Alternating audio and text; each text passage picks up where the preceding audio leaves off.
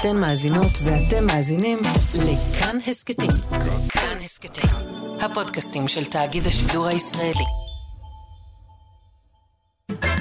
מה קורה לי בזמן האחרון?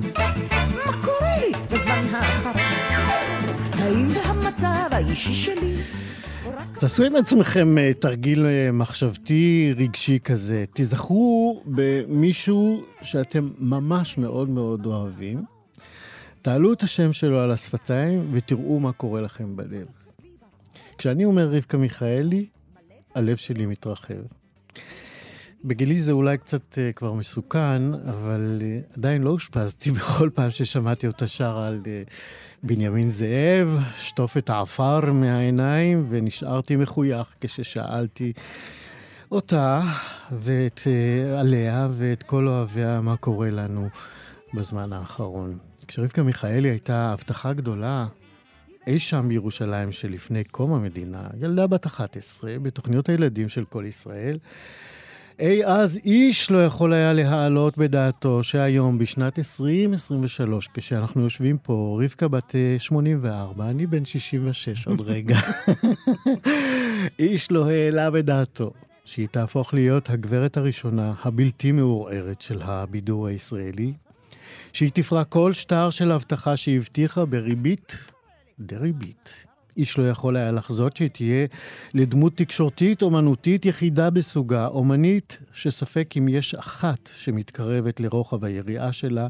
ולעומק השורשים שלה, של רבקה מיכאלי בתרבות הישראלית.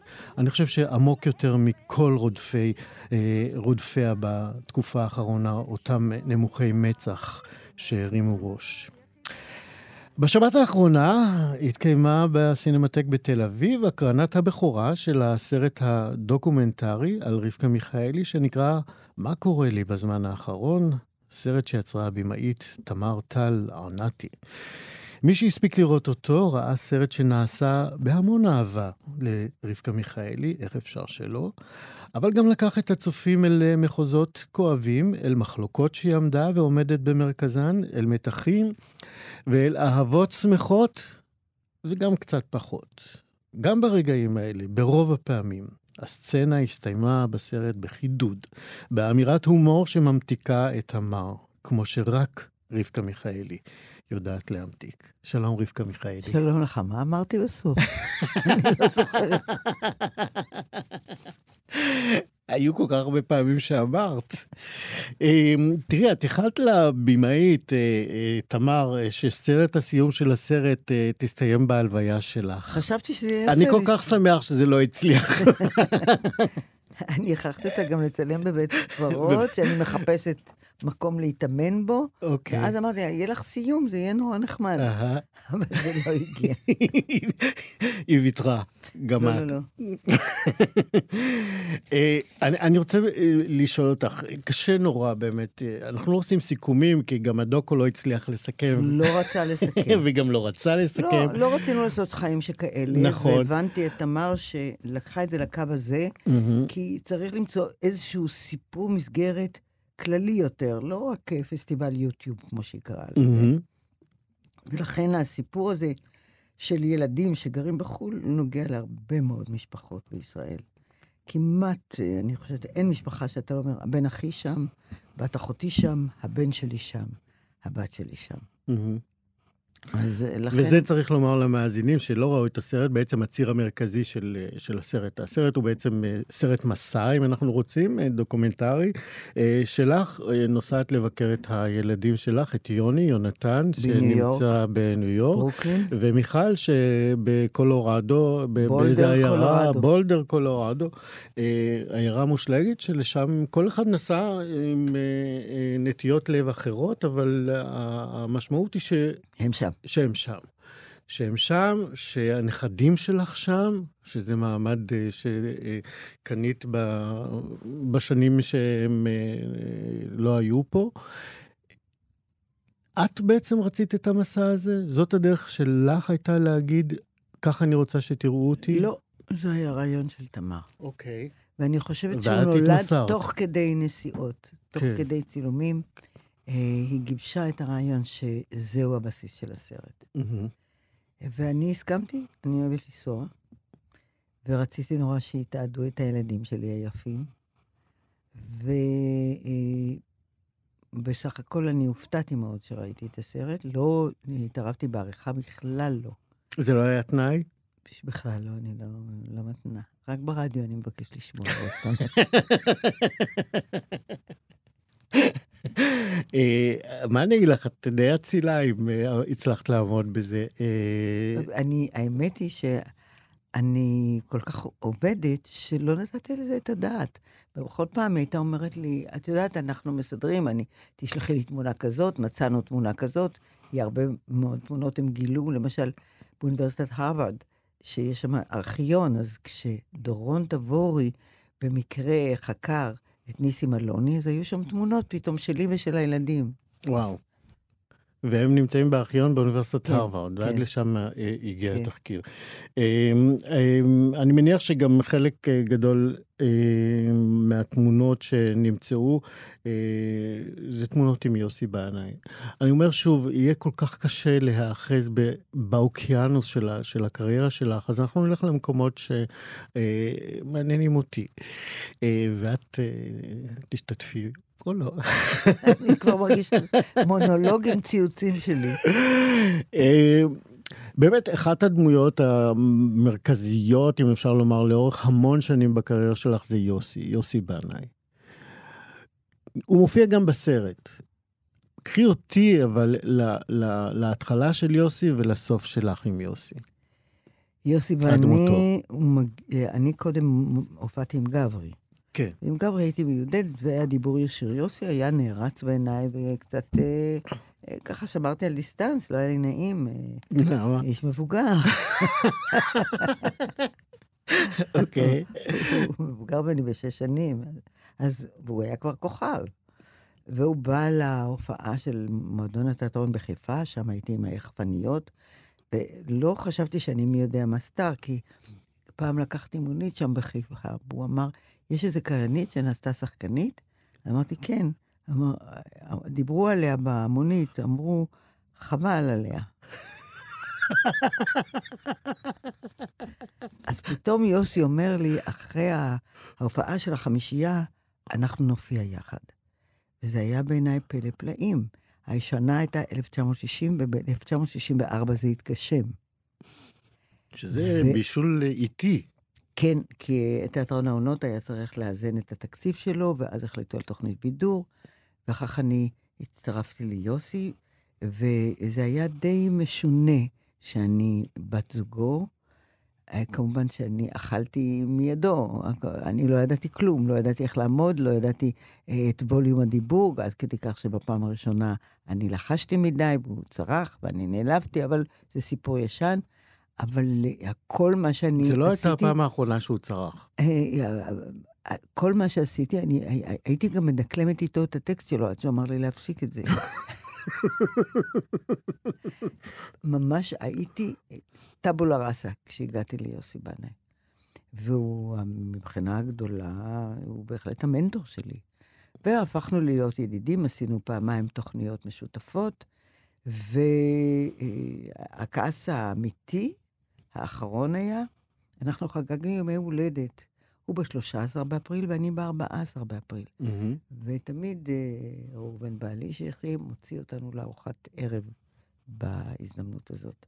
והנה באותה שנה שבה הוא נפטר, הייתי בחו"ל, אצל הילדים, מהמם. וכשאני חוזרת אני מצטטת ליוסי בנאי ואני אומרת לו, אנחנו צריכים לאכול. הוא אומר, כן.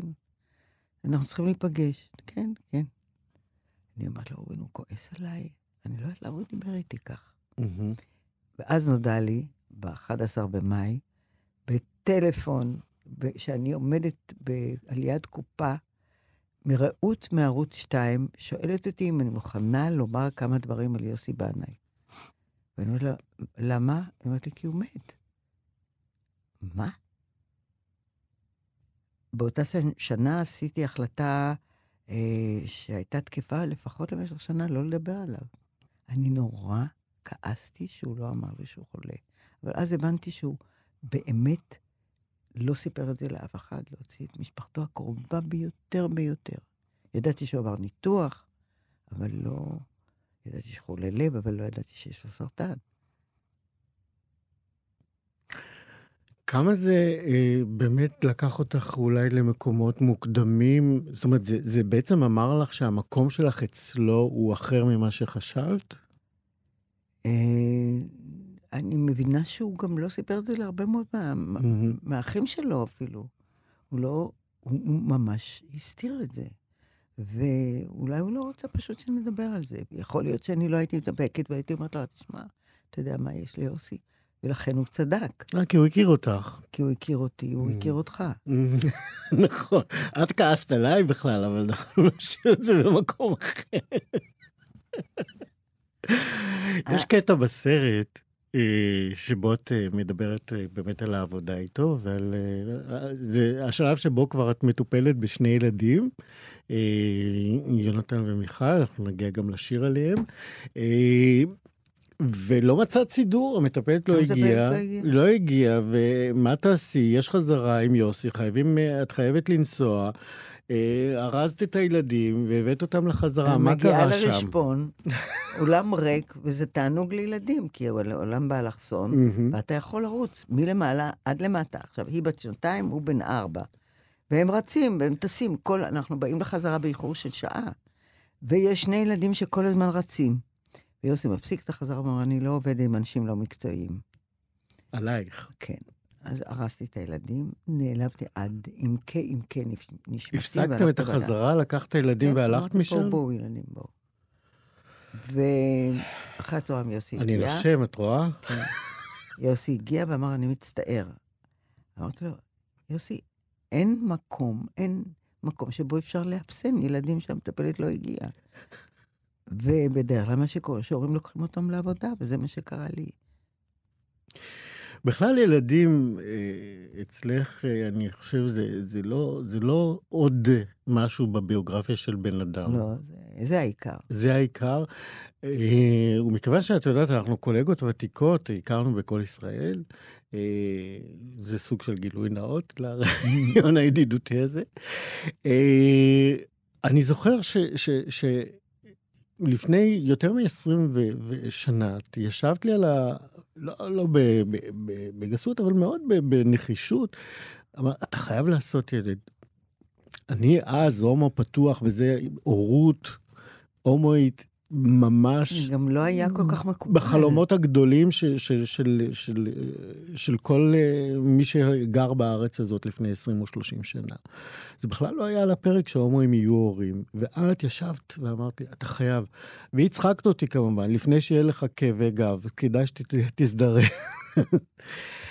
ואז הבנתי כמה באמת ל, ל, להיות הורה, להיות אה, אה, אה, אם, אב ל- לילדים נורא חשוב בעינייך. על מה זה יושב אצלך? אני חושבת שזה הרחיב לי את הסקאלה של אהבה. אוקיי. אם באמת, כשמדובר על אהבה, זאת האהבה הכי עצומה שאפשר להרגיש. כל השאר מתחלף, על ההורים יש כעסים, על הבני זוג יש ריבים ויש פרידות, ויש שנאות אפילו. זה לא יכול להתקיים לגבי ילדים. אני לא מניחה חס וחלילה שאיזה אי פעם יעבור. אני יכולה להתווכח עם הילדים, אני...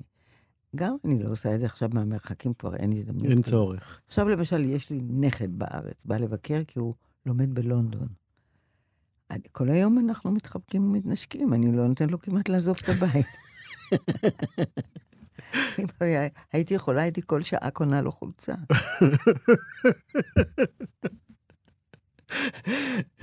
אה, כן, אני, אני יכול לגמרי, מכיוון שהמשימה שלך להפוך אותי להורה אה, הצליחה בגדול, אני לגמרי יכול להבין באמת את, ה, את התדר הזה שאת מדברת עליו, ש, אה, של אהבה שבאמת אין בה תנאים, שאתה לא תקבל אותה לא מבן זוג ולא מהחברים הכי טובים והכי אוהבים, כזאת. וגם לא תוכל לתת כזאת. אה, אז זאת הזדמנות להגיד לך תודה על הבן שלי. נכון. אה, אה, אני רוצה ללכת איתך למרכיב אחר, ככה ממש אני מאותת אה, ימינה או שמאלה מאוד מאוד חזק. וזה... תאותת שמאלה, תאותת שמאלה, כן, אתה יודע, אני אשתתף איתך ב... ב במכות, בהתקפות. בואי נדבר על העברית. ממש ממקום אחר לגמרי. עברית, אנחנו רואים היום, אני בטוח שאת גם בכאב הולכת ופוחתת. מעמדה הולך ופוחת בשיח היומיומי, אה, בטח בתקשורת, בטח בתרבות. אני אומרת כל הזמן, נוספות מילים, ובכל זאת העברית נעשית רזה. מקסים, תסבירי את עצמך. השימוש במילים אה, הולך ומצטמצם בידע שלנו, בידע הכללי של השפה, הכרת המילים, ולעומת זאת יש אה, סלנג שהוא חביב והוא מתוק, והוא פראי, אבל זה בלי לדעת את המקורות, וזה נורא חבל, זה מצמצם. אנשים, אה, אתה יודע, אולי נדבר על הדברים הטובים. ג'ימבו ג'יי, יש לו שיר על העברית. הראפר, אתה מכיר? כן, כן. אתה מוכן להשמיע אותו? זה השיר שאני אוהבת. אה, ג'ימבו ג'יי, לאיזה שיר את מתכוונת? אימא, אני חושבת. אימא. אני ואימא מתרפקים על זיכרון האותיות, על שורשים, מילים ומשפטים, בצל שדרות פרושים, גבורות הפסקאות, ומתחתן על משכבם בשלום שבעים נחים, בית קברות לחטפי פתחים. אין מי שיספיד את האמרות והניבים, אין מי שיגיד מילים טובות אודות המונחים, אין משמר כבוד, ואין שיירת מלאכים. מי יגיד קדיש על העברית בעברית? מי, אמא? מי? בטח לא אני.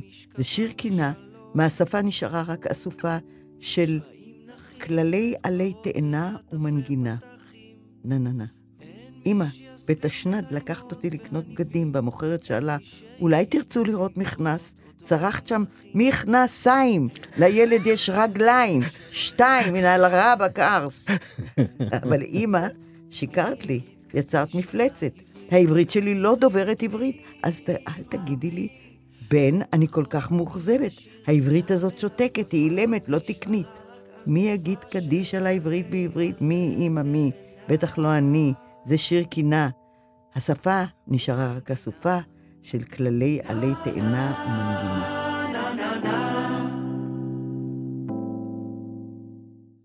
זה כאילו את כתבת, לא? כן, אני, אני, אני, אני אימא שלו. מתאומות אה, ליבך. כמובן, הכנסתי. הכנסתי, בטח, זה ה- הצרה שנכנס להפעיל. שלנו באופן אה, ברוטלי. ו-18. אני בת 18. בת זה 18. אבל זה פחות... אוזניים תצילנה. מה זה? כן. כן, מה זה אז- 18? זה יצרו כלאיים. נכון. או שאתה בן 18, או שאתה בן שמונה או שמונה. או שאתה רואה ימים. 18. כן, שמונה זוגות. ימי מילה. אה, אני, אה, אנחנו, גם בסרט את אה, מזכירה את, אה, אפרופו העברית, את אה, חברתך נעמי שמר. שהקשר שלכם אולי הוא, אפשר לומר, כמעט תמצית הישראליות. האפשרות שלנו להיות חברות. כן, החברות הזאת. נעמי, אנחנו יודעים, אה, החזיקה בדעות אה, לאומיות, כמעט לאומניות. את אה, כמעט בצד השני של, של. הקשת הזאת, ובכל זאת הייתה שם אהבה מאוד מאוד גדולה. אתה צריך לזכור שנעמי, במלחמת השחרור, איבדה הרבה מאוד חברים שלה. כמו כל היישוב. כן, אבל היא הייתה לצערנו. ב- בעמק הירדן, ולכן זה צרוב אצלה.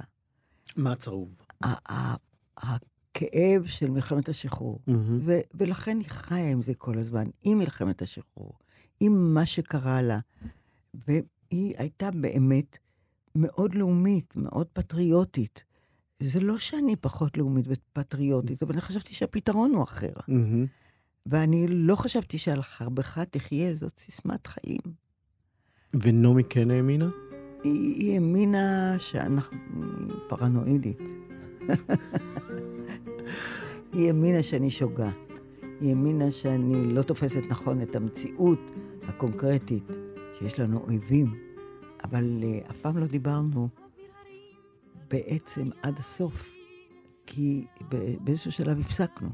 אבל עובדה היא שהבית שהכי הכשיל אותה בירושלים של זהב, וחי יבשו בורות המים, כיכר השוק ריקה, זה בגללי נכתב. כך היא בעצמה אמרה. מה זאת אומרת? כן, כשבאתי אליה הביתה ושמעתי יחד עם גילה לימה את השיר הנפלא הזה, ירושלים של זהב, שהיה מוזמן על ידי טדי קוליק לטיבול פסטיבל הזמר. לתוכנית האומנותית, כן. לא, לא כדי להשתתף בתחרות חלילה. ושמעתי את השיר הנפלא, ואז אמרתי לה, אבל חסר משהו על העיר העתיקה, והיא אמרה לי, אבל כתבתי שבליבה חומה. אמרתי, כן, אבל זה לא מספיק. אבא שלי יליד העיר העתיקה, הוא חולם על העיר העתיקה. אז היא הוסיפה את הבית השנוי במחלוקת הזה. כי מבחינתה, כיכר השוק הייתה ריקה, לא הי... אנחנו לא ש... היינו אם, שם. אם אין בה יהודים, אז זה כיכר ריקה, שזה קומם לא עליה היינו שם, כמובן. כן, כן, אז לקחו את זה כפשוטו. כשנוח, אז לוקחים את זה כפשוטו.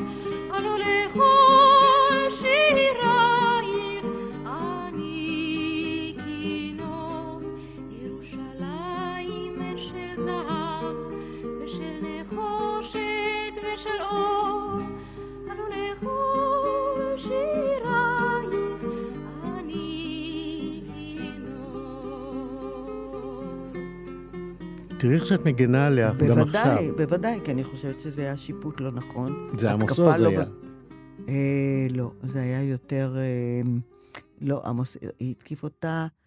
אה, עמוס... אה, אה, לא משנה, הרעיון היה- מירון, דן מירון, דן מירון התקיף אותה מאוד מאוד. כן, הביקורת הייתה על כך כן. שיש שם אישה, אה, רואים אה, ערבים יורדים כן. וחיים שם, זה לא יכול להיות שכיכר העיר הזאת ממש ריקה, היא ממש לא ריקה. היא כעסה עליי כשהקלטתי את ירושלים של ברזל. היא כעסה עליי כשהקלטתי את. ירושלים של ברזל. כן. של מאיר אריאל בחדש שזה... נזכיר רק שזה, מאיר אריאל כתב גרסת... בהר הצופים, כן. במופע, שסיים את המלחמה. גרסה שאמרה ירושלים היא לא. ממש של זהב, אלא של ברזל. ספרי לנו באמת על הנסיבות ואיך נעמי אה, טלפנה אלייך. טלפנה אליי מיד אחרי השידור. היא אמרה, זה יהרוס את השיר, זה יהרוס את ירושלים של זהב, ישמעו רק את ירושלים של ברזל. היא מאוד פחדה שהוא ידחק את, ה, את השיר. אה, התוכן לא כך הפריע לה? לא, לא, לא, התוכן כמובן זה שזה... אבל היא ידעה שחיילים יכולים להזדהות מהר מאוד עם ירושלים של ברזל. עם העשן שלו, עם הכאב, עם האימהות, עם השכול. לכן היא מאוד פחדה והיא נפגשה איתו. עם מאיר אריאל. מה היא סיפרה לך על הפגישה? היא לא סיפרה, אבל אני יודעת שהכעס פג, והוא הצניע לכת, וגם אני לא שידרתי את השיר. אני, אני, התחלנו את השיחה על נעמי באמת מהמקום של העברית, ו, ואני אני רוצה לי, לחזור לשם ולשאול אותך באמת, איזה, איזה דברים אה, אה, הפליאו אותך בקשר שלה אל העברית והשפיעו עלייך, על, ה, על השירים שהיא כתבה לך, על השירים שביקשת ממנה? אני חושבת שלצד ספרי התווים שהיו לה, היה לה גם אה, ספר האגדה. של ביאליק. כן, ביאליק קרוויניצקי, והיא כן. הייתה כל הזמן אה, קוראת ומשננת ויודעת.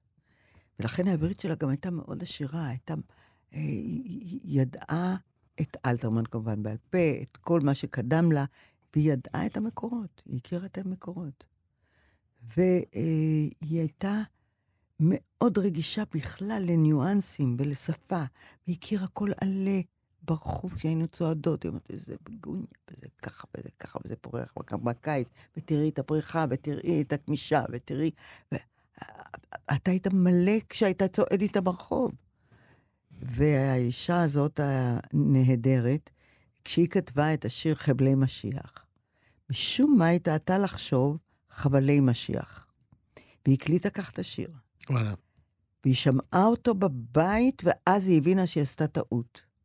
היא אספה את כל התקליטים, הקליטה את השיר מחדש, שר את זה חבלי משיח. חבלי משיח, הנה זה בא. סיפור יפה. בכל זאת, ב... אמרתי שזה תמצית הישראליות, הקשר הקוטבי הזה ביניכם.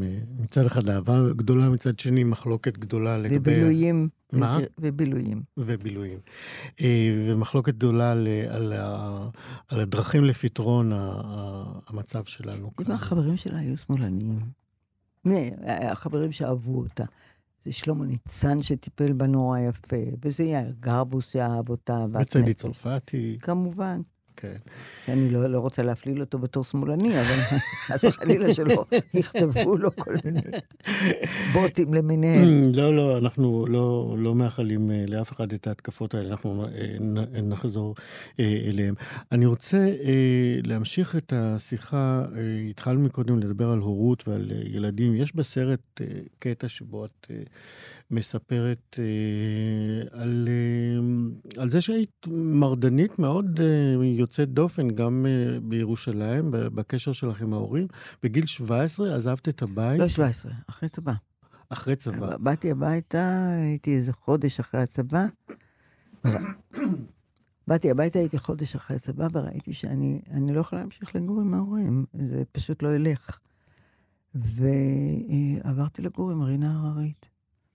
שזה היה אקט, אה, היום אה, כל, כן. עכשיו אתה יודע, אה, המעגל- כל, כל הילדים מעגלים עוזבים. נסגרים כן. אצל מי? לח... לקחנו דירה של עמנואל ענתי, והוא אח הבעל של הבמאית שלי, תמר. טל, וזה הכל נסגר. איזה והאח מעגל. השלישי, היא עשתה להם סרט, אתה יודע, על שלושת האחים ענתי. לא, לא ידעתי. כן, כן. היא עשתה להם סרט, הם מחפשים את המערה שבה הם התחבאו בזמן המלחמה, מלחמת העולם השנייה.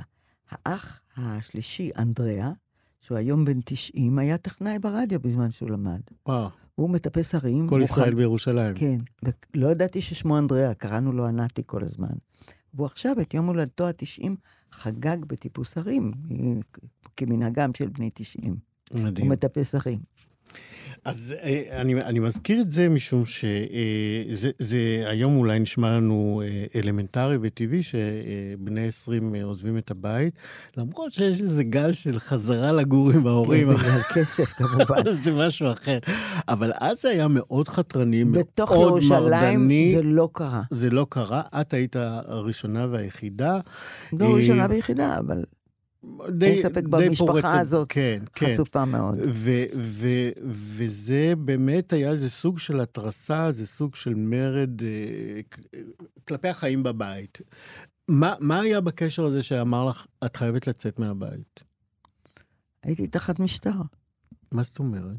מלכבות טהרות ועד... אה, גם אמא שלי הייתה אה, מאוד מיוחדת. כוחו היא דרשה ממני תשלום בהוצאות, להוצאות הבית. אימא שלך ביקשה ממך תשלום על הוצאות 60 הבית? לירות לחודש. די. כי אני משתמש בטלפון, כי כל מיני דברים. וכיוון שבין כוחה הייתי צריכה לשלם בשביל לגור בבית, אז אז אמרת, זה נשלם במקום אחר. אבל זה, זה בהחלט אה, אה, משהו מאוד מאוד דרמטי, וזה מזכיר לי סיפור שאני אה, אה, שמעתי עלייך, ואני אנסה להזכיר לך אותו, אולי זה מתחבר למקום הזה. אה, אחת התוכניות שהגשת ברדיו בכל ישראל נקרא תפוח ועץ. ובמסגרת התוכנית הזאת היו מתקשרים מאזינים ומבקשים... מירם רביב, ולפני זה כן. עם אחיותם. כן, והיו מבקשים אה, אה, עצות, מה לעשות, אה,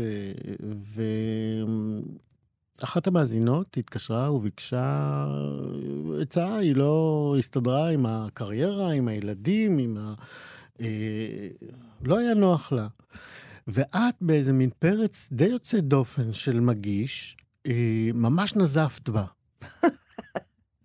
ממש כעסת עליה, ו...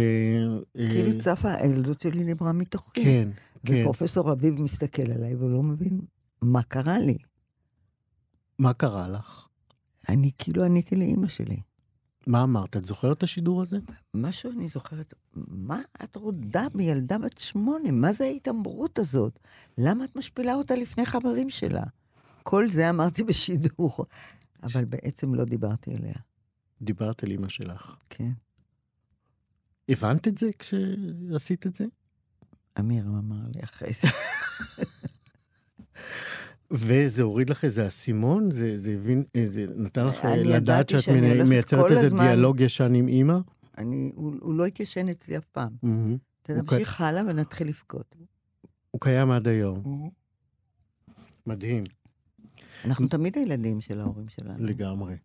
איך זה עבר אל הילדים שלך, המחלוקות האלה? אני אישה מושלמת. היה לי מוזר, כשהבן שלי היה בן 17 בערך, והיינו יחד במועדון הים התיכון, והוא אמר, אמא, מה תעשי אה, שאנחנו נעזוב את הבית? אה, מהמם. אולי תקחי עוד כלב? כי הכלב שלי היה כבר זקן. אמרתי לו, מה זאת אומרת? את נורא תלויה בנו. אמרתי, יונתן, אתה יודע כמה דברים עשיתי בזמן שאני תלויה בכם? הייתי פה, והייתי פה, והייתי פה, ועשיתי ככה, ועשיתי ככה. הוא אמר, כן, אבל, אבל בבית את, את רק בנו. אמרתי, אני אסע להודו, יונתן, אל תדאג לי. אוקיי, אבל הם נסעו בסוף, הם נסעו, כן. מכאן. כל אחד נסע לטווח קצר. כן. מי נסע קודם, מיכל או יוני, יוני? נסע קודם. יוני למד פה, עשה את התואר הראשון, והמשיך בסן פרנסיסקו. בהתחלה הייתה לו חברה סינית. ואחר כך הייתה רבקה, שבחור ערבי הכיר לו אותה, שהיה לו מין בית קפה, אני מבינה, בסן פרנסיסקו. בסן פרנסיסקו, והוא כן. אמר לו שהבחורה הזאת שמה עליו עין, הוא אמר לרבקה, הבחור הזה שם עליך עין, וככה הם נפגשו, ורק אחרי שלושה חודשים הסתבר להם שהוא סובב את שניהם, וככה הם נפג- נפגשו. וזה מה שנקרא ביידיש בשרט, זוג מצוין. מה זה אומר? זוג מצוין, זוג זה- מצוין. זה זיווג טוב. מהשמיים. אה, ומיכלי עזבה מתי? מיכלי עזבה כשמאיה הייתה בת 11 חודשים, מאיה זה ביתה הבכורה. הבחורה, שהיא ב- בשמונה ביוני בת 24. יפיפייה, נכון? מאוד. אז תודה. לא ביקשתי את זה, אבל תודה. לא, אבל אה, הזכרת את זה עכשיו, אז נכון. לא, כי. רצית להגיד, לא, היא גם מאוד נבונה. לחצתי. היא גם מאוד נבונה, אבל. החלטת להתחיל עם היפה, אז הלכתי איתך. תראה, זה מה שאני הסתכלתי בסרט, זה מה שמעניין אותי. לראות איתי טלוויזיה זה הדבר אבוד. יכול, בן אדם יכול, בן אדם יכול לשבת בטלוויזיה ולבשר על קריסתה המוחלטת של תל אביב לתוך הים, ואני אגיד לך, תראה את האוזניים שלו.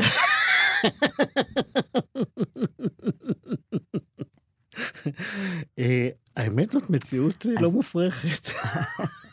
בקיצור, אז מיכלי נסעה כדי אה, להשתלם באשטנגה יוגה, היא התחילה להתעסק בזה, ושם יש איזה יהודי, כמובן, שהוא גור של אשטנגה יוגה, והיא קבעה שהיא תהיה שנה בבולדר קולורדו. מהמם. השנה הזאת טרם תמה. כן, המכונה 20 ומשהו שנים. וזה בעצם השאיר אותך אה, כאן, אה, כשהילדים שלך אה, לא איתך, יונתן היה פה שלוש שנים, כן. עם הילדות, שהן היו קטנות. כן, אבל בכל זאת אחרי זה חזר שוב. כן. אה, ואת לחצת, תחזרו, ניסיתי, בדרכך. ניסיתי מאוד, אבל הילדים שלי מאוד עצמאיים, והם לא מפחדים ממני. לא, אין מה לפחד, אבל את יודעת, האשמות אבל זה אה, הפסקתי, כן, חומר הפסקתי בעירה ללחוץ מצוין. עליהם מרגע ש... מרצח רבין והלאה. זהו, רציתי לשאול באמת, מתי הפסקת ללחוץ? עם רצח רבין. למה? כי הבנתי שמשהו הלך לנו פייפן, איך ההוא שר. כמו שאריק איינשטיין שר. תסבירי עוד. אני הבנתי שאין תקווה לשלום, שיש פה, אני גרה עם אנשים שלא רוצים שלום, שביניהם להגיד שלום זה מילה מגונה. אתה יודע, שמעתי, אני הכנתי תוכנית לזכר מודי בר-און, שישב איתי שעתיים באולפן. בין היתר הוא מדבר על החמישייה הקרמרית. בין היתר הוא מצטט מערכון של יוסף ג'ואל דרור, שהוא כתב לי והייתי איתו בקשרים תמיד, הוא אה, איש שאני מעריצה. והיה לו מערכון כזה שראש הממשלה בא לגזבר, הוא אמר לו, מה זה התלוש הזה? מה זה השכר נראה? השכר, אה, השכר שאני מקבל. זה נורא מעט כסף. הוא אומר לו, תראה, זה המשכורת יסוד. אני יכול להוסיף על זה תוספת ביגוד, תוספת אשל. אתה יודע מה? עם משכורת כזאת אני הבטחתי שלום וביטחון. אין שלום, רק ביטחון. מודי בר-און, זיכרונו לברכה, צריך לומר. זהו, הוא מצטט כן. כאן את אה, ג'ו. אמ, ואז הבנת בעצם שהפתרון הוא, הוא, לא, הוא לא מעבר לפינה, כל מה שבעצם אה, רבין אה, הצליח ל- לנסוך לתוך המציאות הישראלית, את אותה תקווה, את אותה אפשרות שהנה, כל מה שלימדו אותנו עד אז... מלחמה לשלום. כן, אה, שזה הולך, זה לא יהיה קיים יותר. אז- השבר הזה הוא, הוא, הוא בינך לבינך, והוא בעצם גם גרם לך להפסיק אה, לבקש מהילדים. זה השאיר אותך גם אה, לא פעם בחזית שמבטאת את, ה, אה, את האכזבה הגדולה, את הכאב הגדול מאובדן התקווה הזה. ואת באמת מעולם לא הסתרת את עמדותייך, את תקוותך. זה, זה גם באמת לא עניין של שמאל וימין, זה עניין של איך אנחנו רוצים לחיות בכלל אתה כ- יודע, כאנשים. שוב אני מצטטת את כן, נעמי שמר, אתה כן. ראית בסוף הערב שרתי, את ואין לי כוח להבדיל בין החכם ובין הכסיל, בין הימין ובין השמאל ובין הקודש והחול. אז זה, אה, זה, זה, זה באמת ה- המשמעות של הכאב הזה, של, שאת אה, כואבת. אה, גם אמרתי בפ- בפתיחת דבריי, כל אותם אנשים שקראו לך, עוד מעט אנחנו נדבר על זה קצת, לא הרבה, אל תדאגי, אה, אה, שקראו לך בוגדת, בוגדת. כאילו, מה יותר ישראלי ממך? מה יותר עמוק בתרבות הישראלית ממך ולקרוא לך בוגדת? זהו, זה היה העשר שניות של הכעס שלי על, על הדבר הזה. אבל מה שהתכוונתי לומר זה שזה לא מנע ממך בעצם להמשיך ולקוות ולבקר את המציאות הזאת שבה אין תקווה לשלום. תשמע, אי אפשר כבר לקצר את חיי. אפשר. אז התוחלת הזאת היא מספיקה לי כדי לומר מה שאני חושבת.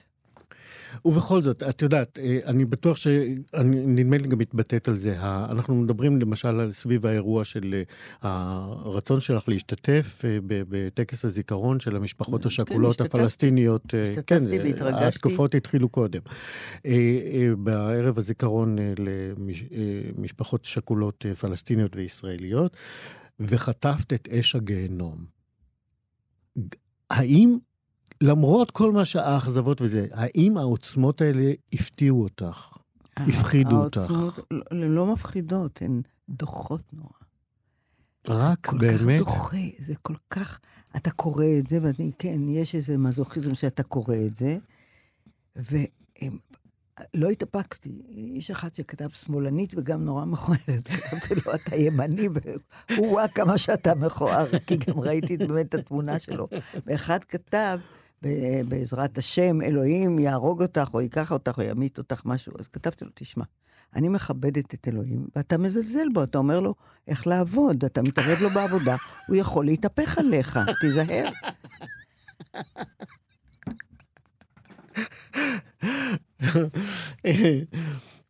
רבקה מיכאלי, אני עוד מעט לצערי הגדול, יש לנו עוד אה, לא הרבה זמן, אבל... יופי. אה, מה יופי?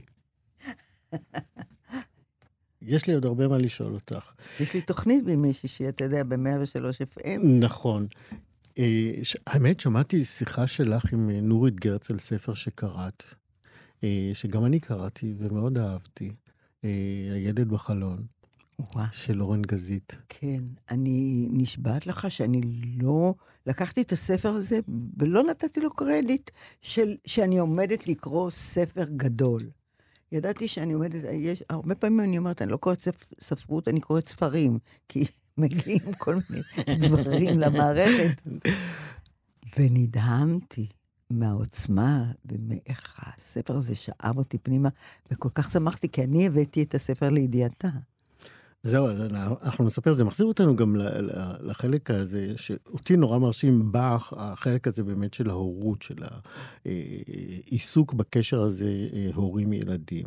אה, למי שלא מכיר את הספר, מדובר אה, בעלילת הספר בתמצית, היא על אה, אה, בחורה אה, שזה מכבר ילדה, אה, הולכת אה, לקניות ברחוב ביאליק ברמת גן, אה, נכנסת לאיזה חנות, לשבריר שנייה ל- לבדוק אם יש אוברולים אה, לתינוקות בגיל הזה, היא יוצאת ואין תינוק.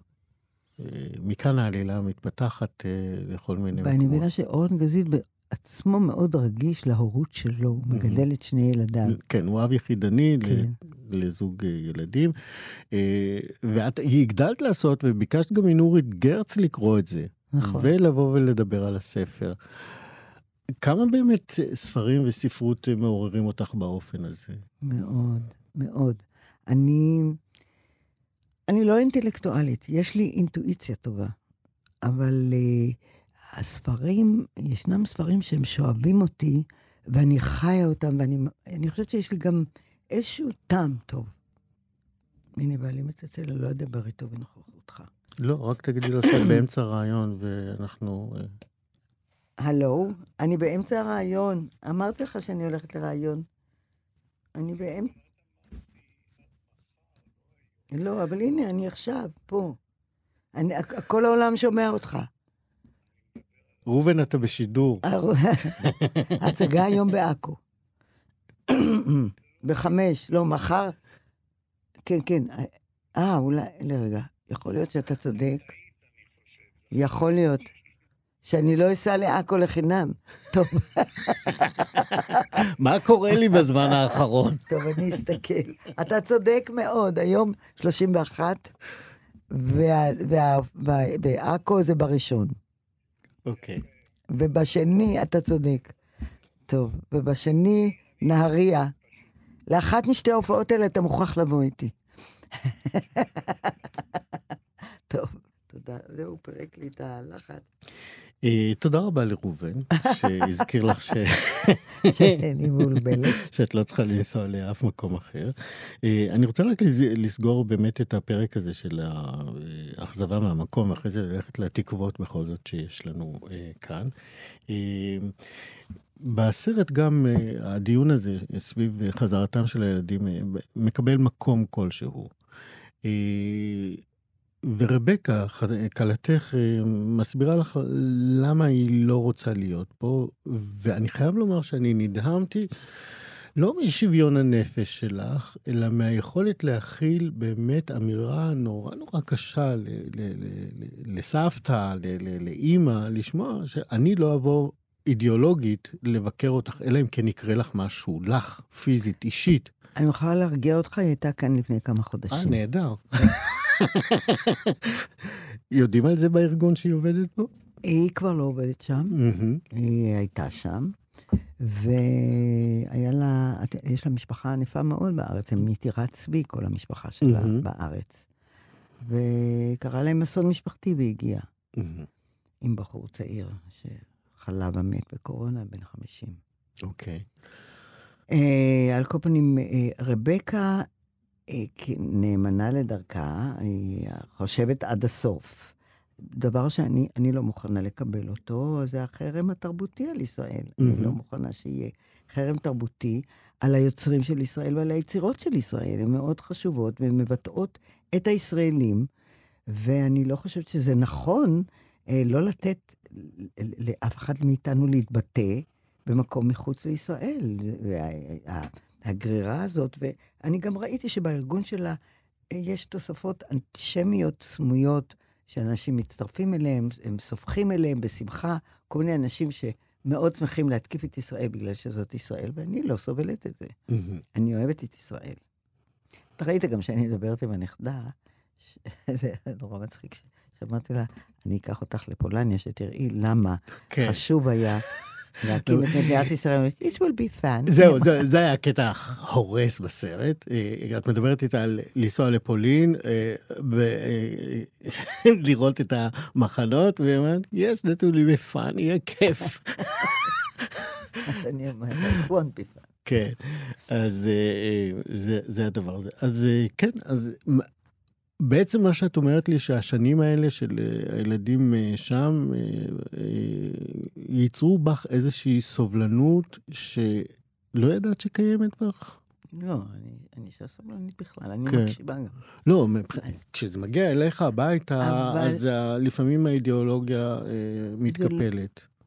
הסובלנות שלי מתבטאת בזה שאני לא מסכימה אותה ואני אוהבת אותה. כן. אני לא מסכימה איתה עד הסוף. חלק גדול מהדברים היא מאוד גאה בי. היא כתבה לי על עשרת דברים נפלאים. איזה חמודה. מה היא כתבה? אתה רוצה שאני בטח. אקרא לך? בטח. מיד. רבקה היא כלתך, אשתו של יונתן. היא באמת התבטאה מאוד יפה, היא גם... אה, היא, היא יודעת להתבטא, היא יודעת עברית, אתה ראית שהיא למדה את כן, דוברת עברית אה, תקינה ביותר. כן. שלא לומר תקינה.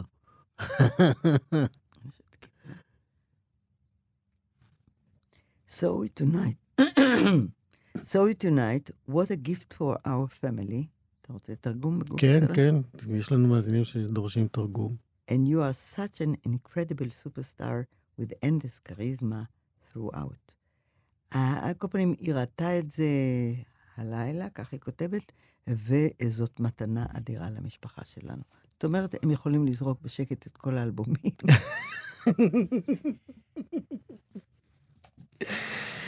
רבקה מיכאלי, אנחנו ממש מתקרבים לסיום. אנחנו ביום הזה של השידורים שלנו, ככה הסתכלנו על אה, אומנים צעירים שמבטיחים, שאנחנו מסמנים אותם. אה, אנחנו מתייחסים אלייך כאל גדולת ההבטחות, שגדולת המקיימות של ההבטחות שלה. אני רוצה לשאול אותך, כשאת מסתכלת על הדור הצעיר, אה, את רואה עוד רבקה מיכאלי בשטח? אני רואה יותר מוכשרות ממנה. לשמחתי ויותר גבוהות. אין. יותר גבוהות יש. לא, אני באמת רואה, אני רואה, אני, ישנן באמת בחורות מופלאות. מסטנדאפ נועז וחכם. תראה את התהיי אשכנזי, היא לא יותר גבוהה. תראה את מה שהיא מייצרת, כן. היא נפלאה. וישנה טלי אורן, הנהדרת, וישנן מיקי קם כמובן, וחנה לסלו, ואני, אוי ואבוי, אני, לא, אני עכשיו אסתבך אם אני לא אזכיר את כולן. לא, את לא אבל צריכה כל- להזכיר את אבל כולם, ישנן- אני לא דואגת. בולטות. כן, אני לא דואגת. כן. עכשיו אני אשאל אותך את השאלה שיותר מדי שואלים אותה בזמן האחרון, אבל לא אכפת לי לשאול אותה. מה את רוצה שיהיה כתוב על הקבר שלך? או, רפי רשף, מה נשמע? כן? בוקר טוב. אה, פה נפטרנו מרבקה מיכאלי. פ"נ, זה בשביל נפטרנו. רבקה מיכאלי, כיף לדבר איתך, תודה רבה. שבאת אלינו. תודה. מונית.